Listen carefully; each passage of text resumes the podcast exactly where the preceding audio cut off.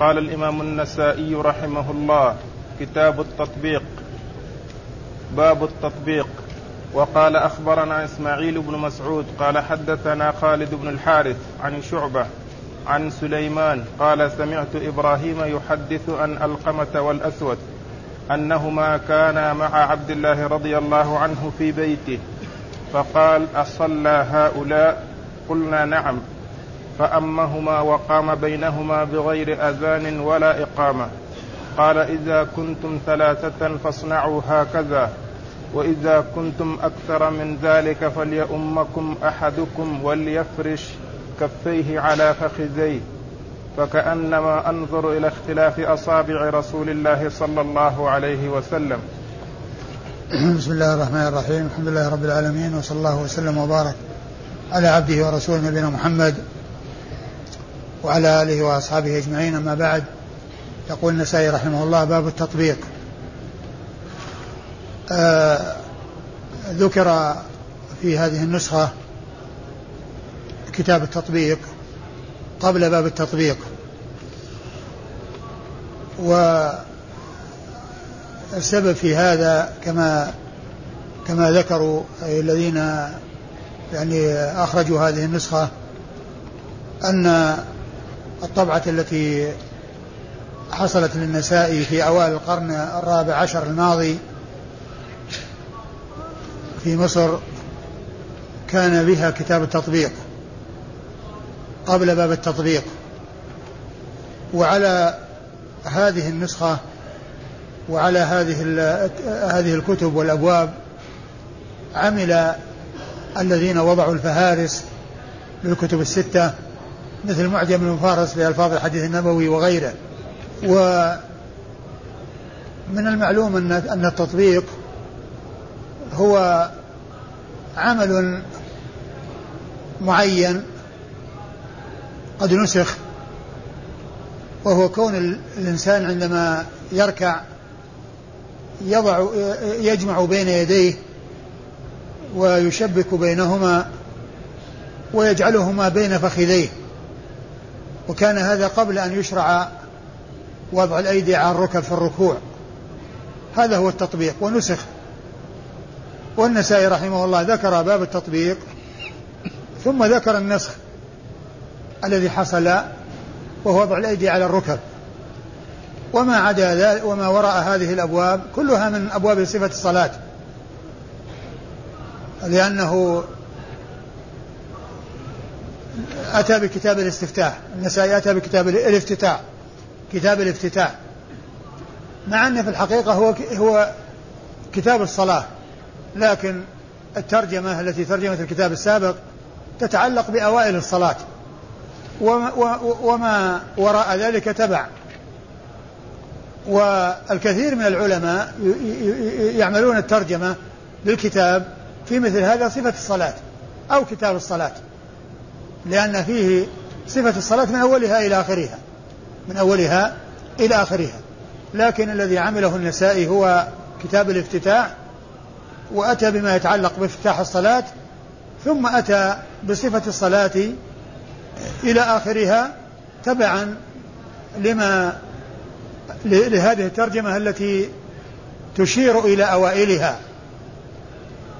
وفي هذه الطبعة المصرية التي حصلت في أوائل القرن الماضي الرابع عشر ذكر قبل باب التطبيق كتاب التطبيق. وفي الحقيقة هو ليس كتاب وإنما هو باب يتعلق بهيئة معينة خاصة بالركوع أو في التشهد معه وقد نسخ ذلك. وصار الحكم في الركوع أن توضع اليدان على الركبتين. أن توضع اليدان على الركبتين. هذه هي السنة التي ثبتت واستقرت وذاك منسوخ وذاك منسوخ الذي هو التطبيق. و وقد أورد النسائي حديث عبد الله بن مسعود رضي الله تعالى عنه الذي جاء عنه التطبيق. اقرأ الحديث عن علقمة والأسود. عن علقمة والأسود أنهما كانا مع عبد الله في بيته فقال أصلى هؤلاء؟ قلنا نعم. فأمهما وقام بينهما بغير أذان ولا إقامة. قال يعني آه، علقمة والأسود لما دخل عليه وصلى بهما أما به أمهما ووقف بينهما وقف بينهما. يعني واحد عن يمينه وواحد عن شماله. واحد عن يمينه وواحد عن شماله. و آه وصلى بهما بدون أذان وإقامة. بلا أذان ولا إقامة. ولما صلى بهما قال إذا كنتم ثلاثة فافعلوا هكذا أو اصنعوا هكذا. يعني معناه الإمام يكون في الوسط. لكن السنة ثبتت عن رسول الله عليه الصلاة والسلام بأن أن الاثنين جماعة وأنهم يكونون وراء الإمام ولا يكونون عن يمينه وشماله وإنما الذي يكون عن يمينه المأموم الواحد. يكون عن يمينه لا يكون صفا وحده إذا كان رجلا. أما إذا كان امرأة فإنها تكون وراءه ولا تصف بجواره. لكن إذا كان معه مأموم, مأموم واحد فإنه يصف عن يمينه. وإذا كانوا اثنين فأكثر فيكونون وراءه. إذا كانوا اثنين فأكثر فإنهم يكونون وراءه. الحكم في ذلك واحد ابتداء من الاثنين وما زاد. والواحد هو الذي يصف عن يمين الإمام. لا يصف وراءه ولا عن يساره. والمرأة إذا كانت وحدها تصف وراء الإمام. لا تصف بحذائه لا من يمينه ولا من يساره.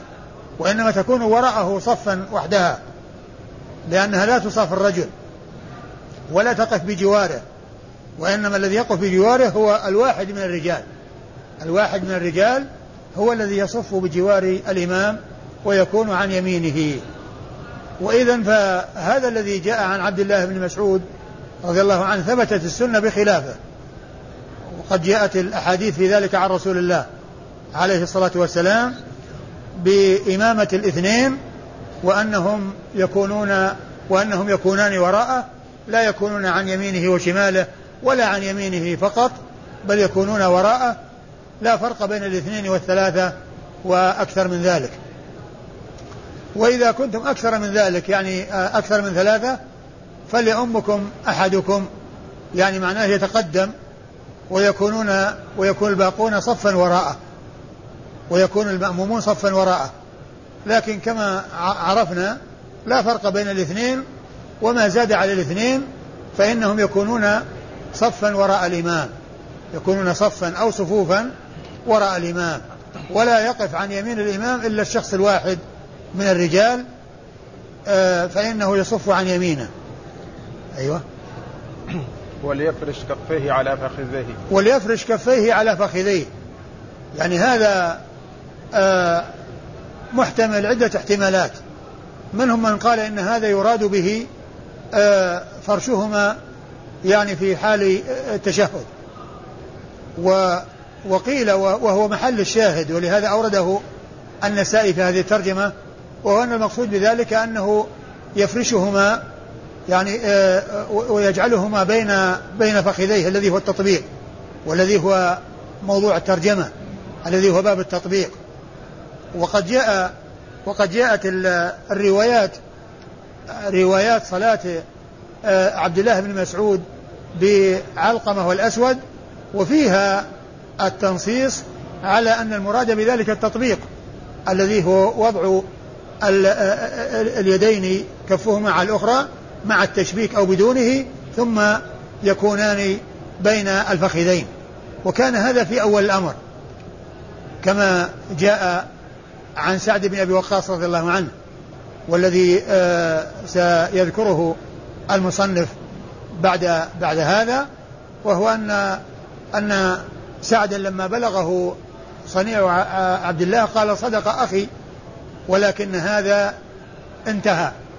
وأمرنا بأن نضع الأيدي على الركب. يعني فصدقه فيما قال وأن هذا كان في أول أمر.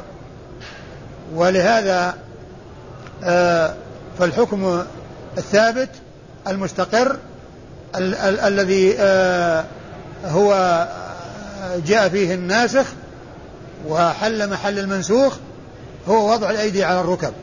وضع الأيدي على الركب في الركوع. ولا تكون بين بين الفخذين ولا تكون بين الفخذين. أيوه. قال فكأنما أنظر إلى اختلاف أصابع فكأنما أنظر إلى اختلاف أصابع رسول الله صلى الله عليه وسلم يعني بالتشبيك. يعني آه، كون يعني آه، أطرافهما يعني باين اختلافهما. لأنها في حالة تطبيق آه، الم- الم- المساواة يكون متماثلة لكن هنا في اختلاف. الأصابع وهذا إنما يكون عن طريق التشبيك. وقد سبق أن أورد النسائي التشبيك في الصلاة وأورد في هذا الحديث الذي فيه التطبيق. التشبيك في الصلاة فيما مضى أورده النسائي وأورد تحته حديث التطبيق الذي حصل فيه التشبيك ووضعهما بين ال- الفخذين. وأما إسناد الحديث فيقول النسائي أخبرنا إسماعيل بن مسعود. أخبرنا إسماعيل بن مسعود وهو أبو مسعود. بصري ثقة أخرج حديثه النسائي وحده. وهو وهو ممن وافقت كنيته اسم أبيه مثل هناد بن السري أبو السري. ومثل عبد الرحمن بن عمرو الأوزاعي أبو عمرو. و عدد كبير من المحدثين توافق كنيته اسم أبيه. وقالوا إن معرفة هذا النوع فائدتها ألا يظن التصحيف فيما إذا كان الشخص معروفا بنسبه ثم جاء غير منسوب ولكنه مكنن بعد اسمه كما هنا بأن يكون معروف إسماعيل بن مسعود لو جاء في بعض الأسماعيل بعض الأسانيد إسماعيل أبو مسعود إسماعيل أبو مسعود يكون كلاما صحيحا لأنه هو أبو مسعود وهو ابن مسعود. لكن من لا يعرف الكنية ويعرف النسب يظن أن ابن صحفت وجاء مكانها أبو لكن من عرف أن هذا ممن وافقت كنية اسم أبيه فسواء جاء ابن منسوبا أو جاء أبو مكنى فإنه لا لبس ولا تصحيف وإنما هذا صحيح وهذا صحيح فهو إسماعيل بن مسعود وهو إسماعيل أبو مسعود. سواء هذا أو هذا كل ذلك صواب. عن خالد وهو ابن الحارث البصري وهو ثقة خرج حديثه أصحاب الكتب الستة. عن شعبة نعم. عن شعبة وهو ابن الحجاج الواسطي ثم البصري وهو ثقة ثبت وصف بأنه أمير المؤمنين في الحديث وهي من أعلى صيغ التعديل وأرفعها وحديثه أخرجه أصحاب الكتب الستة. عن سليمان. عن سليمان وهو الأعمش سليمان بن مهران الكاهلي كنيته آه، لقبه الأعمش. ويأتي ذكره باللقب أحيانا ويأتي ذكره بالاسم أحيانا كما هنا. هنا جاء سليمان. وفي بعض الأسانيد يأتي كثيرا الأعمش وسليمان هو الأعمش. هذا اسم وهذا لقب.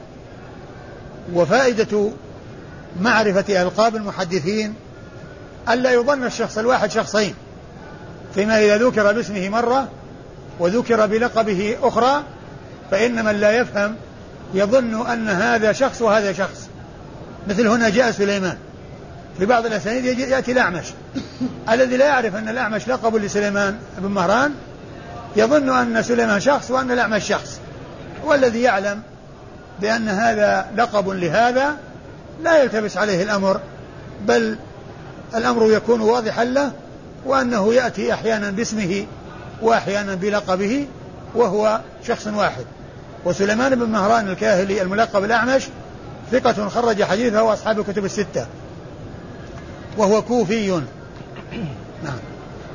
قال سمعت إبراهيم يحدث عن قال سمعت إبراهيم وهو بن يزيد ابن قيس النخعي الكوفي وهو ثقة خرج حديثه أصحاب الكتب الستة وهو محدث فقيه معروف بالفقه وغالبا إذا أطلق إبراهيم يعني في أهل الكوفة أو في مثل هذه الطبقة وهو يروي عن الكوفيين المراد به إبراهيم ابن يزيد ابن قيس النخعي.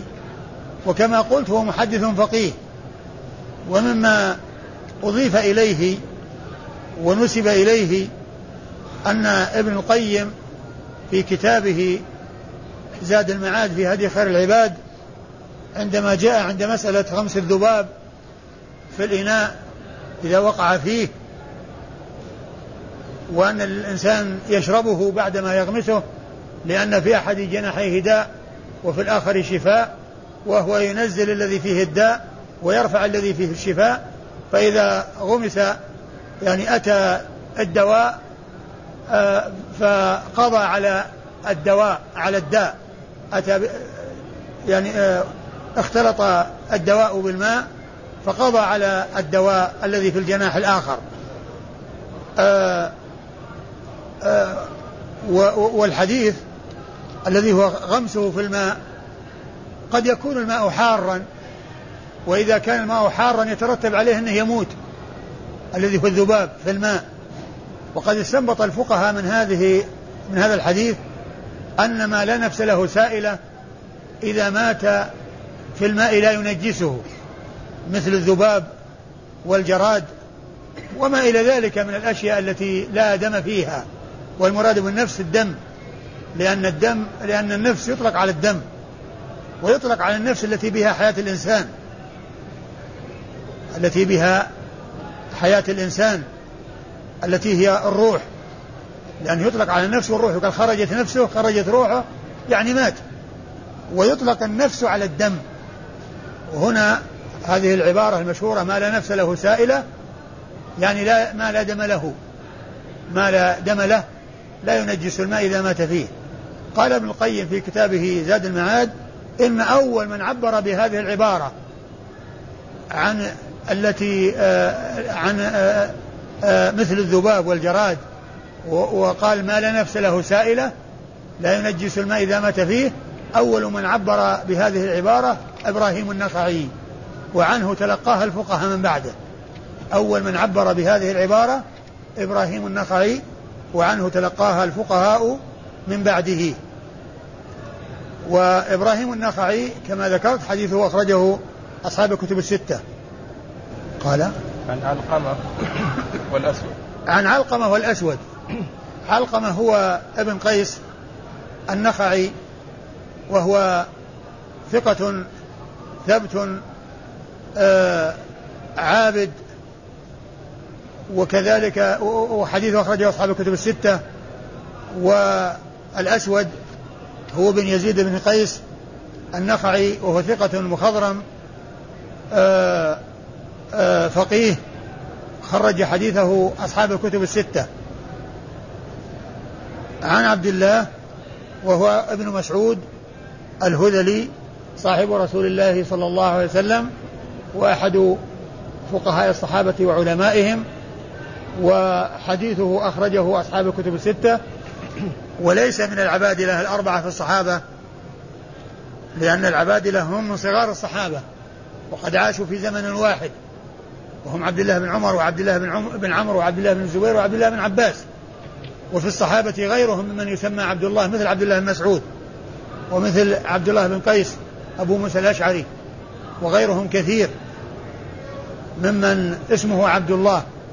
لكن لقب العبادة الأربعة آه، يطلق على الأربعة من صغار الصحابة وهم عبد الله بن عمر وعبد الله بن عمرو وعبد الله بن عباس وعبد الله بن زبير. قال أخبرني أحمد بن سعيد الرباطي قال حدثنا عبد الرحمن بن عبد الله قال حدثنا عمرو وهو ابن أبي قيس عن الزبير بن ابن عدي عن إبراهيم عن الأسود وعلقمة قالا صلينا مع عبد الله بن مسعود رضي الله عنه في بيته. فقام بيننا فوضعنا أيدينا على ركبنا فنزعها فخالف بين أصابعنا. وقال رأيت رسول الله صلى الله عليه وسلم يفعل فنزعها؟ فنزعها؟ أي. أيوه. قال فنزعها فخالف بين أصابعنا. وقال رأيت رسول الله صلى الله عليه وسلم يفعله. ثم أورد النسائي حديث عبد الله بن مسعود وهو يتعلق بصلاة علقمة والأسود معه وأنهم وضعوا أيديهم على الركب وأنه نزعها وجعل يعني أيديهم آه، يعني آه، خالف بينها ويعني يجعلونها بين أفخاذهم الذي هو التطبيق. لأن هذا هو محل محل الشاهد من إراده تحت باب التطبيق وهو أن يجعل يديه بين فخذيه. وابن مسعود رضي الله عنه يعني فعل هذا لعله لأنه لم يبلغه الناسخ ولم يبلغه هذا الحكم الذي هو آه، وضع ال الأيدي على الركب. وضع الأيدي على الركب وأنها وأنه علم عن رسول الله عليه الصلاة والسلام التطبيق الذي هو وضعهما بين الفخذين وضع اليدين بين الفخذين. فهو طريق فالحديث طريق أخرى من طرق حديث عبد الله بن مسعود الدال على التطبيق ولكنه قد نسخ كما جاء ذلك مبينا في الأحاديث الأخرى. وإسناد الحديث يقول النسائي أخبرنا أحمد بن سعيد الرباطي. أخبرنا أحمد بن سعيد الرباطي وهو ثقة خرج له أصحاب الكتب الستة إلا ابن ماجه. أخرج له أصحاب الكتب الستة إلا ابن ماجه. حدثنا عبد الرحمن بن عبد الله. حدثنا عبد الرحمن بن عبد الله وهو الدشتكي. عبد الرحمن بن عبد الله الدشتكي وهو ثقة خرج له. البخاري في رفع اليدين والأربعة. البخاري في آه في جزء القراءة. في جزء القراءة زاي. والأربعة ها؟ الياء عندي. ها؟ عندي الياء والأربعة. الياء والأربعة؟ نعم. في المصرية طبعة المصرية فيه زاي. يعني و والفيصل هو عند تهذيب الكمال. لا أدري أيهما أيهما الصواب. هل هو الزاي أو الياء؟ لكن في الطبعة المصرية آه البخاري في جزء القراءة وأصحاب السنن الأربعة. أيوه. قال حدثنا عمرو وهو ابن أبي قال حدثنا عمرو وهو ابن أبي قيس الرازي والأول أيضا رازي و آه وهو صدوق له أوهام. أخرج حديثه. نعم أخرج حديثه البخاري تعليقا والأربعة. أخرج حديثه البخاري تعليقا والأربعة. صدوق له أوهام أخرج حديثه البخاري تعليقا. والأربعة وقوله وهو ابن أبي قيس هذه آه، أتى بها من دون تلميذ عمرو هذا من دون عبد الرحمن بن عبد الله وهو إما آه، أحمد بن سعيد. أحمد بن سعيد الرباطي أو أو من دونه أو النسائي أو من دونه. وإنما أتي بكلمة هو حتى يتبين أنها ليست من التلميذ. وأنها ممن دون التلميذ أراد أن يوضح أن هذه الزيادة زيدت من بعد التلميذ آه، وهذا وهذه الصيغة دالة على ذلك لأن التلميذ لا يحتاج أن يقول هو بل ينسبه كما يريد يأتي بنسبه كما يريد بدون أن يأتي بكلمة هو أو بدون كلمة يعني. لكن من دون التلميذ إذا أراد أن يوضح ويزيد على ما قال التلميذ فيأتي بكلمة هو أو بكلمة يعني عن الزبير بن عدي. عن الزبير بن عدي. الزبير بن عدي هو ثقة أخرج له أصحاب الكتب الستة. عن إبراهيم عن الأسود عن إبراهيم عن الأسود وعلقمة وعن عبد الله وقد مر ذكرهم في الإسناد الذي قبل هذا. قال أخبرنا نوح بن حبيب قال أنبأنا ابن إدريس عن عاصم بن كليب عن عبد الرحمن بن الأسود عن علقمة عن عبد الله رضي الله عنه أنه قال علمنا رسول الله صلى الله عليه وسلم الصلاة فقام فكبر فلما أراد أن يركع طبق يديه بين ركبتيه وركع. فبلغ ذلك سعد رضي الله عنه فقال صدق أخي قد كنا نفعل هذا ثم أمرنا بهذا يعني الإمساك بالركب. ثم أورد النسائي حديث عبد الله بن مسعود رضي الله عنه من طريق أخرى وأن النبي عليه الصلاة والسلام علمهم الصلاة وأنه صلى ووضع يديه آه، بين فخذيه ولما بلغ ذلك سعد بن أبي وقاص رضي الله عنه قال صدق أخي يعني أن هذا كان موجودا أولا ولكننا أمرنا يعني أن نضع الأيدي على الركب يعني ولكن ذلك نسخ. ولكن ذلك نسخ. يعني وأمروا بأن يضعوا الأيدي على الركب بدل أن يضعوها بين الفخذين وإنما يضعوها على الركبتين. فالحديث دال على ما دل عليه الذي قبله من جهة حصول التطبيق ولكن فيه الدلالة على النسخ. ولكن فيه الدلالة على النسخ. والاستدلال على التطبيق بما جاء عن عبد الله بن مسعود. وأما ما جاء عن سعد بن أبي وقاص الذي جاء ذكره في آخر الحديث فإن هذا هو الناسخ. وعلى هذا فالحديث يدل على التطبيق ويدل على نسخ ذلك. يعني فيكون عن عبد الله عن ابن مسعود وعن سعد بن أبي وقاص. عن ابن مسعود آه ذكر التطبيق دون الناس دون ناسخه. وعند سعد بن وقاص ذكر التطبيق وناسخه. ذكر التطبيق وناسخه لأنه قال صدق أخي ويقصد بذلك عبد الله بن مسعود. وهذا من من أدب الصحابة رضي الله عنهم وأرضاهم. لأنه لما حصل من ابن مسعود ما حصل وأرشد إلى ما أرشد إليه وأراد سعد أن يبين الحكم الذي استقر الأمر فيه عن رسول الله عليه الصلاة والسلام قال صدق أخي. يعني عبد الله يعني عبد الله مسعود. ولكننا أمرنا يعني بعد ذلك بأن نضع الأيدي على الركب. يعني أن الذي حصل حصل ولكنه نسخ. فهذا من من الأدب. يعني في آه عند ذكر آه عندما يذكر عن عن الشخص شيء ثم بعد ذلك يتبين أن الحكم بخلافه فإنه آه يعني مثل هذه العبارة فيها الأدب. ومثلها الحديث الذي في صحيح مسلم في قصة السبعين ألف الذين يدخل الجنة بغير حساب ولا عذاب. فإن سبب الحديث آه يقول آه آه أنه انقض يعني شهاب. ف فقال أيكم أيكم رأى الكوكب الذي انقض البارحة؟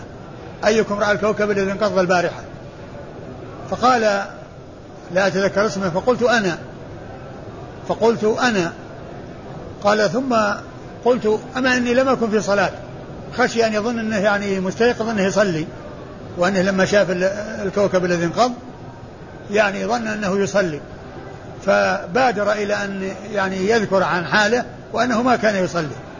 قال أما إني لم أكن في صلاة ولكني لدغت. قال فماذا صنعت؟ قال ارتقيت. يعني عملت رقية. قال فما حملك على هذا؟ قلت حديث حدثناه فلان أنه قال لا رقية إلا من عين أو حمى. ثم قال قد أحسن من أحسن من انتهى إلى ما قد سمع قد أحسن من انتهى إلى ما قد سمع ولكن حدثنا ابن عباس أنه قال عرضت علي الأمم فرأيت كذا وكذا وأتى بحديث سبعين ألفا.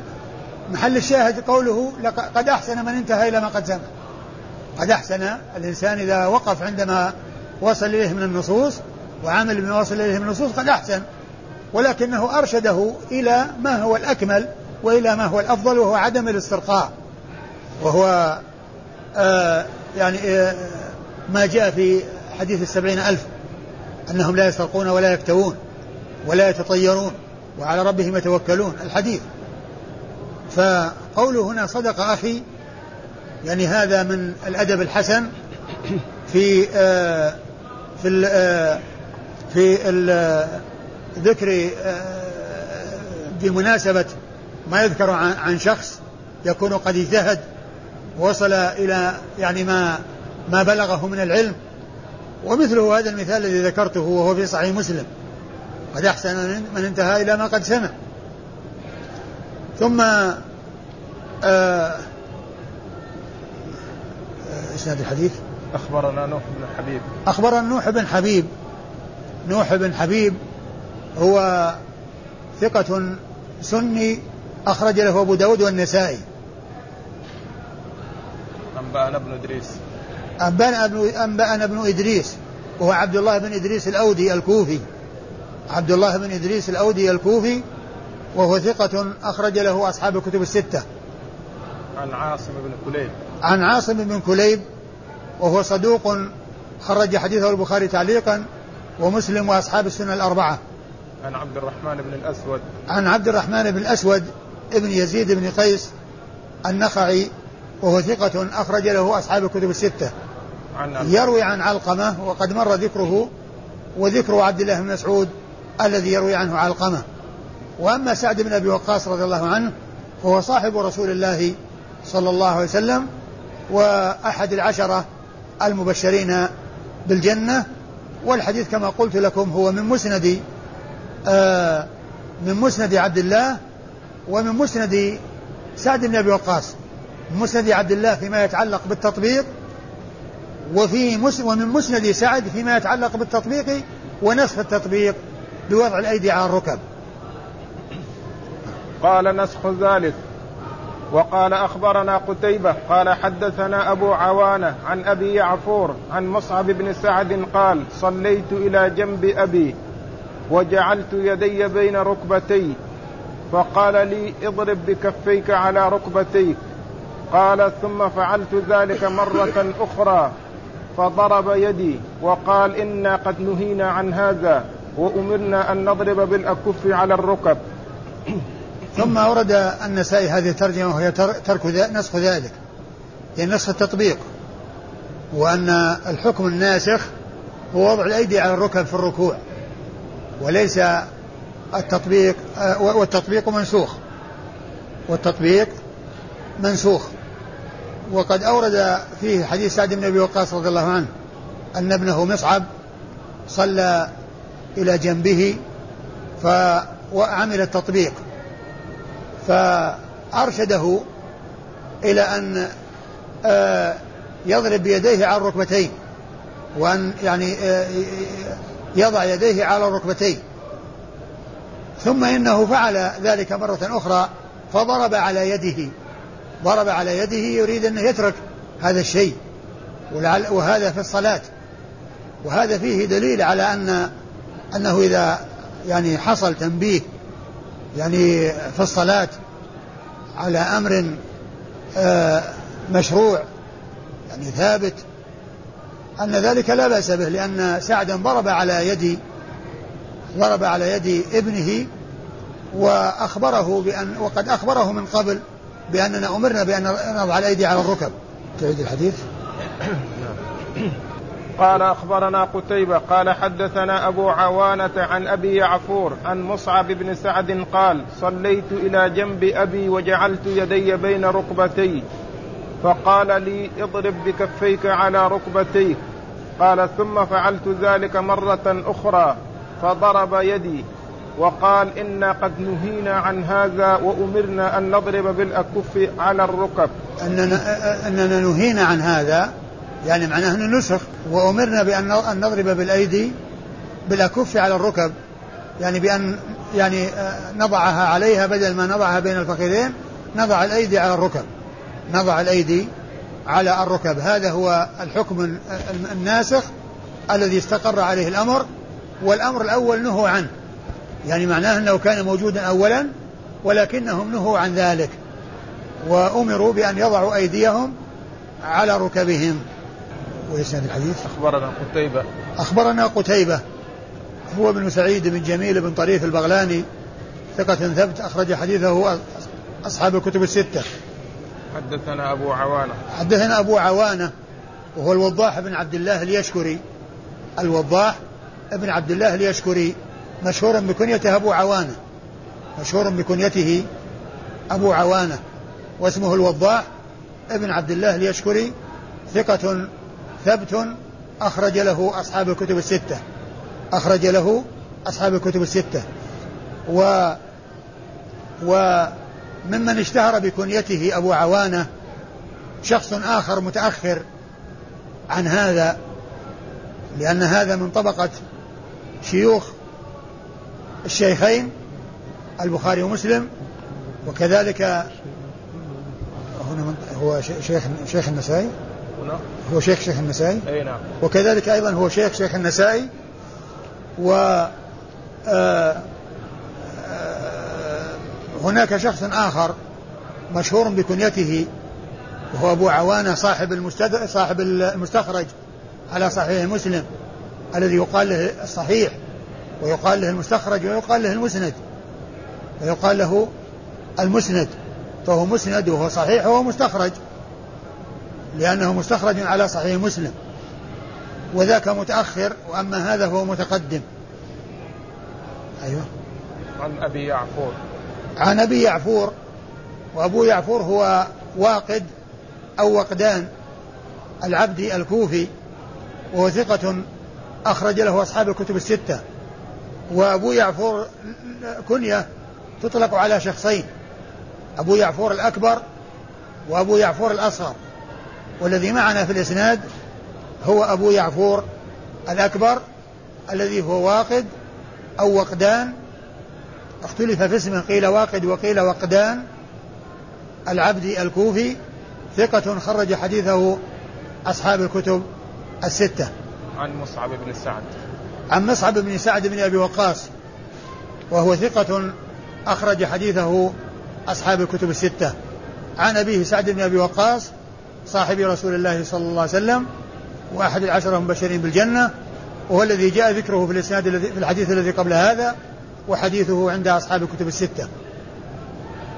قال أخبرنا عمرو بن علي قال حدثنا يحيى بن سعيد عن إسماعيل بن أبي خالد عن الزبير بن عدي عن مصعب بن سعد قال ركعت فطبقت فقال أبي إن هذا شيء كنا نفعله ثم ارتفعنا إلى الركب ثم ورد النسائي حديث سعد بن أبي وقاص رضي الله عنه من طريق أخرى وفيه ما في الذي قبله وأن ابنه مصعب كان يطبق يضع يديه بين بين فخذيه فقال إن هذا شيء كنا نفعله فنهينا عنه وارتفعنا إلى الركب يعني إلى أن نضع الأيدي على الركب بدلا من أن ندخلها بين الفخذين آه نظهرها ونرفعها على نجعلها على على على ركبنا فالحديث دال على النسخ وأن هذا شيء كانوا يفعلونه وأنهم نهوا عن ذلك وأمروا بأن يضعوا أيديهم على ركبهم. وإسناد الحديث يقول النسائي أخبرنا عمرو بن علي.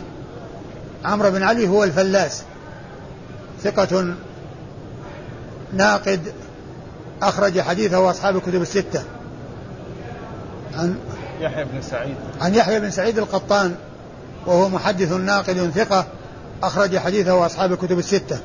عن إسماعيل بن أبي خالد. عن إسماعيل بن أبي خالد البجلي وهو ثقة آآ آه، آآ آه، ثقة ثبت أخرج حديثه أصحاب الكتب الستة. عن الزبير بن عدي. عن الزبير بن عدي وهو ثقة أيضا أخرج حديثه أصحاب الكتب الستة.